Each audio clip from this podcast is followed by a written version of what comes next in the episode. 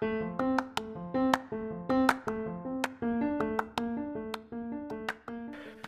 selamat dini hari waktu Amerika Serikat atau tepatnya kami sedang di New York untuk pemirsa Tio Vlog dan selamat siang ya untuk pemirsa Tio Vlog di Indonesia.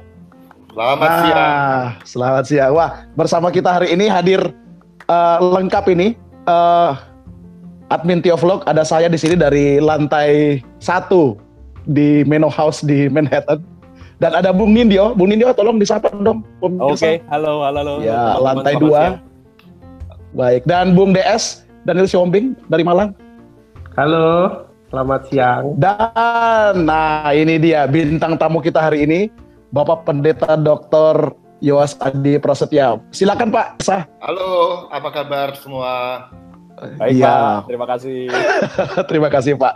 Kita senang sekali karena hari ini Pak Yowas berkenan untuk men-sharingkan satu pokok gagasan yang sebenarnya kemarin mau saya sih sebenarnya ter, uh, agak sedikit uh, ini ya tergelitik terganggu, begitu terganggu. dengan status ter, ya tergelitik ya enggak terganggu tergelitik dengan status Pak Yowas begitu. Dan saya yakin banyak yang juga uh, bertanya begitu. Kalau nggak salah Pak Yowas tulis di ini masih dalam rangka Natal gitu ya.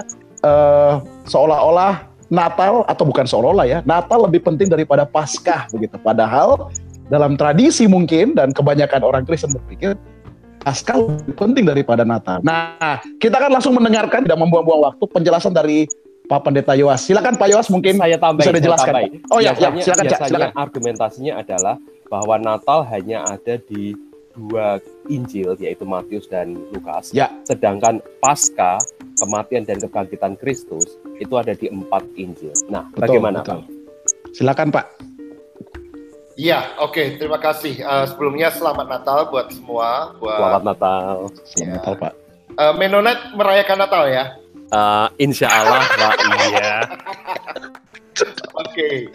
Jadi kan saya punya kebiasaan untuk uh, di Facebook saya pakai sebagai media untuk memaparkan gagasan-gagasan yang sifatnya uh, serpihan atau percikan yang tidak koheren. Itu itu model saya. Nah, untuk Natal ini memang saya sedikit diam dibandingkan dengan Natal-Natal sebelumnya, tetapi saya me menghayati Natal itu uh, secara lebih internalized. Hmm. Nah, uh, uh, dalam penulisan buku yang sedang saya lakukan tentang teologi konstruktif, uh, saya memakai pendekatan uh, uh, Fransiskan sebenarnya uh, di sana saya belajar satu hal yang menarik yaitu bahwa bahwa uh, inkarnasi itu menjadi centerpiece dari semua semua teologi kita, inkarnasi Yesus. Sehingga kalimat Natal lebih penting daripada Paskah itu sebenarnya adalah imbas dari sebuah pemahaman bahwa pusat dari iman kita adalah inkarnasi, sang sabda yang menjadi manusia, bahkan menjadi daging Nah, uh, pemahamannya begini. Uh, saya saya tahu bahwa kalimat itu sangat counter intuitif karena hmm. kebanyakan orang Kristen selalu mengatakan bahwa Paskah lebih penting daripada Natal karena Paskah itu bicara soal penebusan, soal penyelamatan kita dari dosa. Semua orang lahir, tapi tidak semua orang mati dan bangkit. Itu klaim yang yang selalu kita dengarkan. Uh, tetapi uh, pemahaman bahwa Yesus datang untuk menebus manusia berdosa itu oleh para Fransiskan, para teolog Fransiskan dipahami sebagai sebagai uh, pemahaman bahwa karena ada dosa maka Yesus hadir. Karena ada dosa maka inkarnasi datang uh, terjadi begitu. Uh, pertanyaannya adalah apa yang terjadi seandainya manusia tidak berdosa? Nah, karena hmm. itu dalam tradisi Fransiskan yang muncul sekitar tahun 1200-an abad 13 ya. Itu mereka percaya bahwa seandainya pun Adam tidak jatuh dalam dosa, hmm. sang sabda tetap berinkarnasi sebab inkarnasi adalah rencana awal Allah sejak penciptaan. Hmm. Jadi itu itu yang disebut sebagai Franciscan thesis tesis hmm. Fransiskan. Seandainya pun Adam tidak berdosa, sang anak tetap berinkarnasi karena inkarnasi itu adalah intensi awal dari Allah. Hmm. Dengan kata lain, seluruh penciptaan semesta ini memang terjadi berkat di dalam dan melalui Yesus Kristus, melalui Sang Sabda itu. Begitu. Bahwa kemudian uh, uh, manusia berdosa itu pun tentu dipandang uh, penting oleh teolog-teolog Fransiskan, tetapi itu bukan bukan menjadi sebuah isu yang kemudian gara-gara itu sang sabda menjadi manusia. Begitu. Hmm. Dengan kata lain hmm. dalam teologi Fransiskan dibedakan dua hal. Yang pertama adalah ordo intensionis dan yang kedua adalah ordo eksekusionis. Ordo intensionis itu apa ya? Intensi awal dari Allah yaitu sang sabda menjadi manusia merengkuh dan merangkul semesta. Sementara itu mengeksekusinya adalah kebetulan karena ada dosa maka dieksekusilah inkarnasi itu untuk menyelamatkan manusia yang berdosa.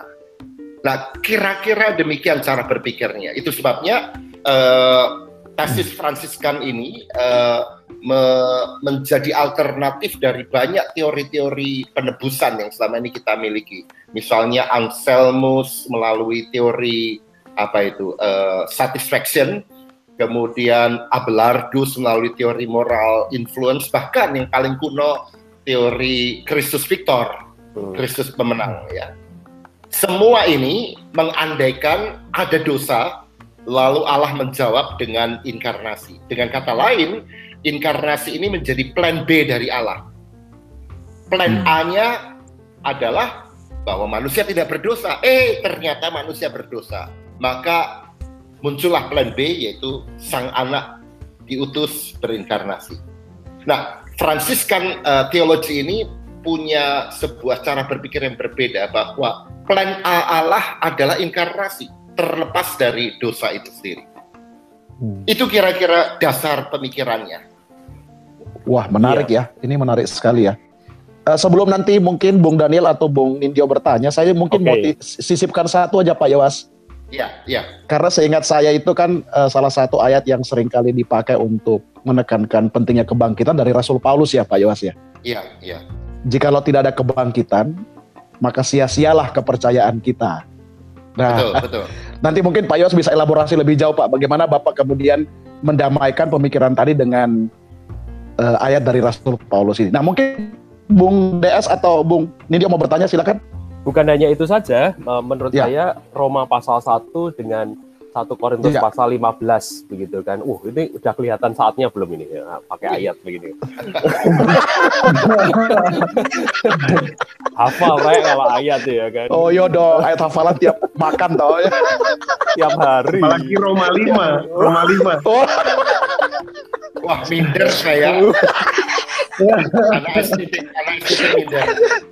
Ya, itu kan begini. Uh, Injil itu kan di ditahbiskan, diestablish karena kebangkitan Kristus. Yesus Kristus disebut Mesias karena kebangkitannya, begitu kan? bukan oleh Betul. karena kelahirannya. Nah, mm-hmm. Pak Pak Yuas, kami ingin bertanya ini berarti biblical basis uh, dari uh, uh, pemikiran Fransiskan tadi itu seperti apa yang sedang Pak Yulas tawarkan atau yang nanti akan dielaborasi dalam uh, buku Bapak nanti? Ya, memang uh, kenyataan bahwa hanya dua Injil yang menceritakan kisah Natal dan keempat Injil menceritakan kisah kebangkitan memberi indikasi yang intuitif buat kita bahwa seakan-akan kebangkitan itu lebih penting daripada ya. inkarnasi gitu. Uh, tetapi jangan lupa juga bahwa ada kisah Natal dalam Yohanes yaitu hmm. melalui prolog uh, Yohanes 1 itu kisah Natalnya walaupun bukan dalam bentuk kisah atau narasi tapi dalam hmm. bentuk sebuah klaim filosofis teologis dan justru di situ ingin ditegaskan bahwa memang memang Allah itu mengarahkan seluruh dirinya kepada dunia di dalam Kristus. Nah, betul bahwa kebangkitan itu menjadi menjadi sangat penting dalam iman Kristen, tetapi dalam pemahaman Fransiskan uh, kebangkit uh, setidaknya menurut tafsiran saya uh, kebangkitan itu kemudian justru menegaskan atau membuktikan, menjustifikasi bahwa nah kan benar bahwa memang inilah sebenarnya tujuan dari inkarnasi begitu bahwa hmm. bahwa jadi gini inkar uh, uh, dalam dalam teologi Fransiskan itu selalu dilihat antara yang pertama dan yang terakhir, yang awal dan yang akhir. Bahwa karena segala sesuatu diarahkan kepada yang akhir yaitu Kristus, semuanya diarahkan kepada Sang Sabda, maka yang akhir haruslah juga menjadi yang pertama. Hmm. Nah, kebangkitan hmm. itu sebenarnya ingin menegaskan bahwa inilah tujuan dari seluruh semesta, bukan hmm. hanya manusia, yaitu seluruhnya dibangkitkan maka hmm. kalau itu menjadi tujuannya, maka itu pula lah yang menjadi awal dari seluruh rencana Allah, yaitu inkarnasi. Begitu. Hmm. Gitu. Dan, dan dan konsep kristologisnya adalah bahwa dalam dalam tafsiran saya kemudian saya memakai konsep korban. Yaitu uh, ini ini ini pendekatan yang sangat populer bahwa kata korban dari kata dasar Q R KRB lah gitu ya.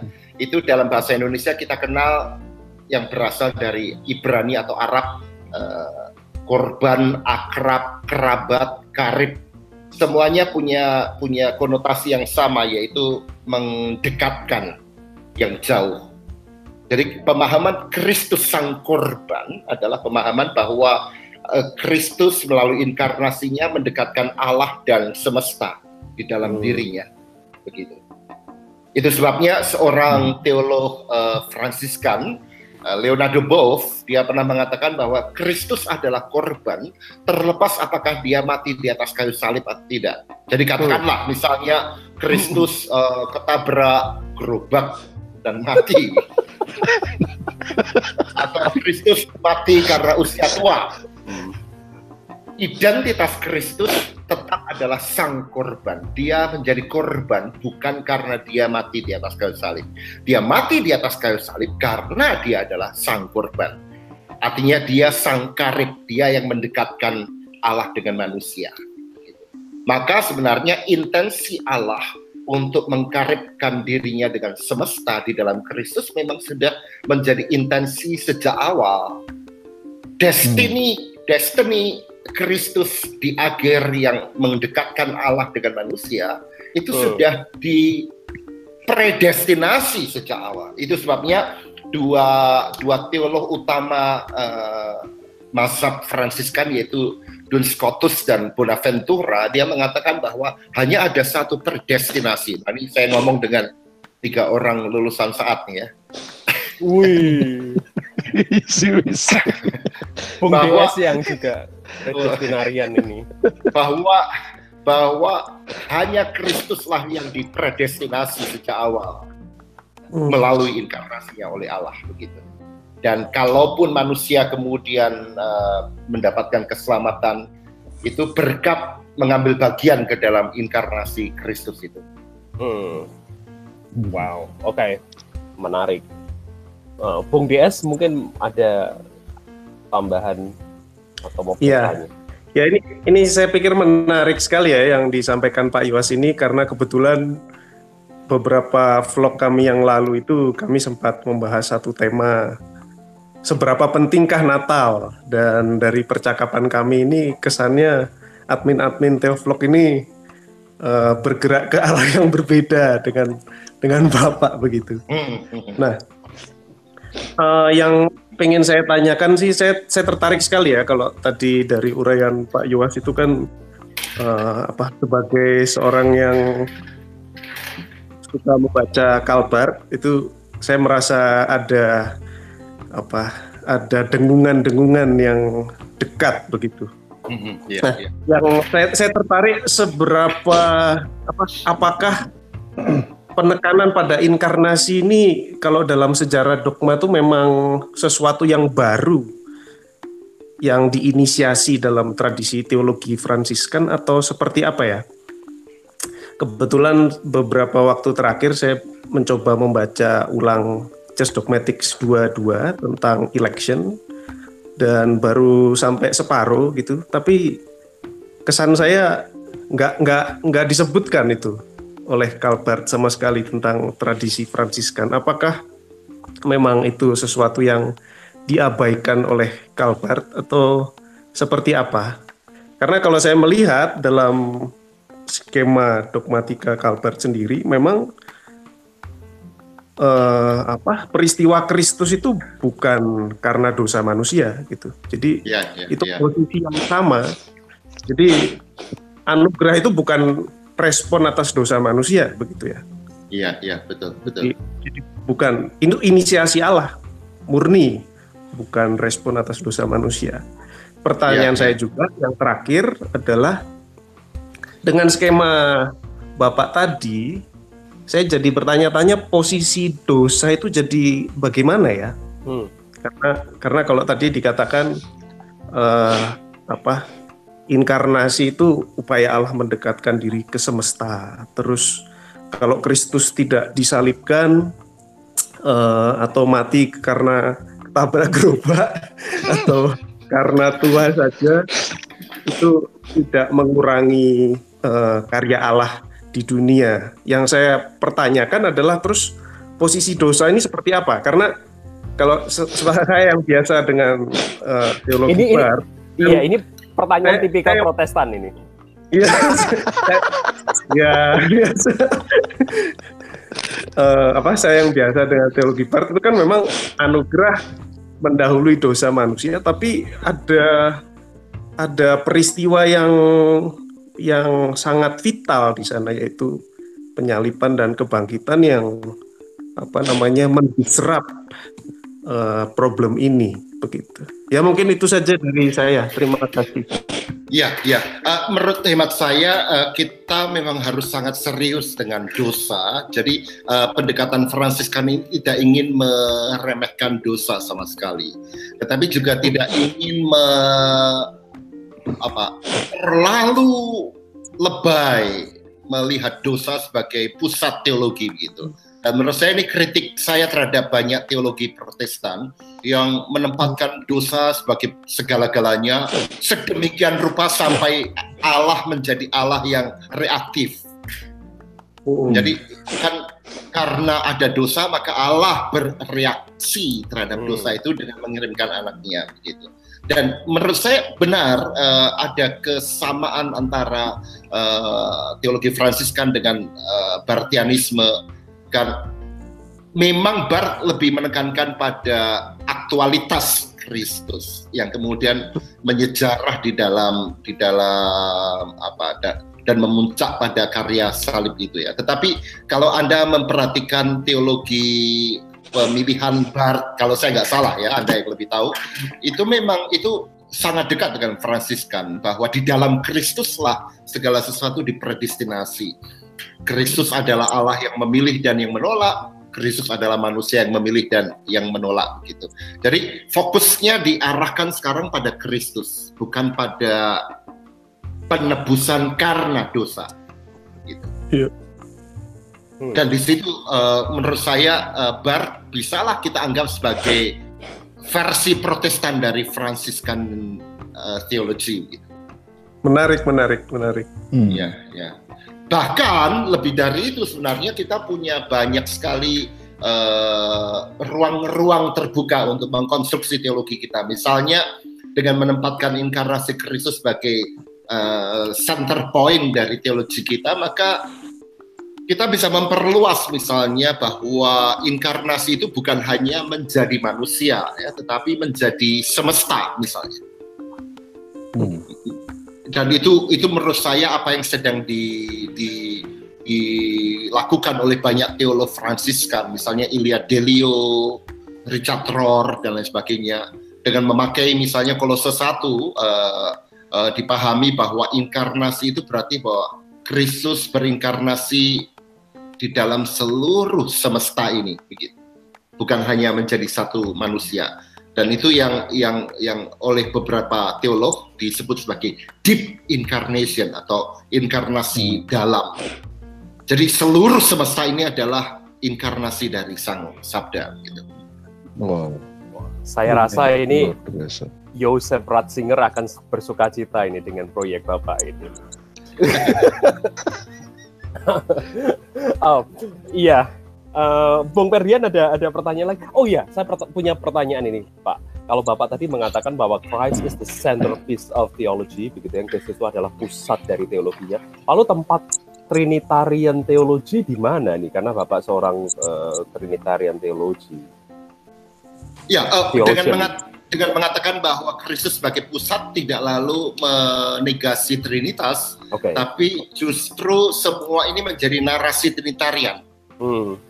Menjadi narasi Trinitarian. Bagaimana Trinitarian. Pak? Bisa dielaborasi? Misal, misalnya bahwa bahwa Kristus adalah kehadiran sepenuh-penuhnya dari Sang Bapa yang adalah misteri itu uh, yang mendaging menyejarah di dalam Sang uh, sang korban itu dan bahwa eh, Kristus uh, yang berinkarnasi itu kemudian juga menyemesta artinya uh, mengerengkuh seluruh semesta itu adalah karya Roh Kudus. Dengan kata lain sebenarnya adalah ini sebuah klaim trinitarian yaitu bahwa Sang Bapa di dalam anak melalui kuasa Roh Kudus mengerjakan seluruh proyek inkarnasi ini.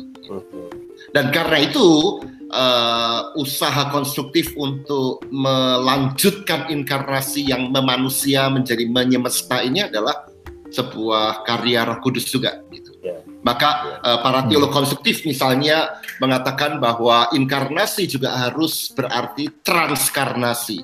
Hmm. Jadi inkarnasi yang diperluas dan itu itu tidak bisa tidak uh, roh lah yang bekerja. Hmm kita tidak lagi hanya bicara soal Yesus Kristus sebagai subjek, hmm. tetapi di dalam roh Kristus menjadi apa? Transjek, hmm.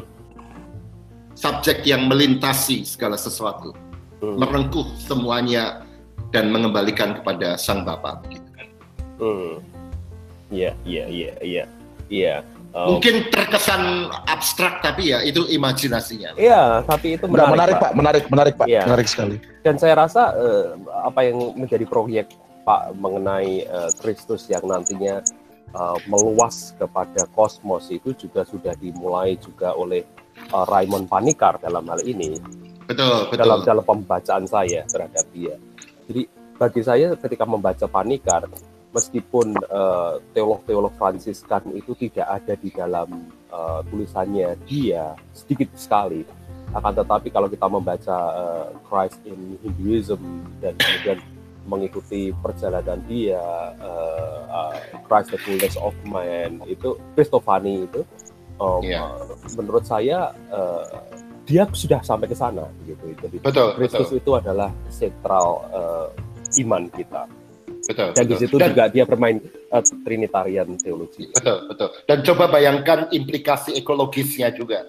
Bahwa dengan hmm. pendekatan Fransiskan ini maka menjadi sangat eko uh, sentris daripada antroposentris ya. Itu sebabnya ya.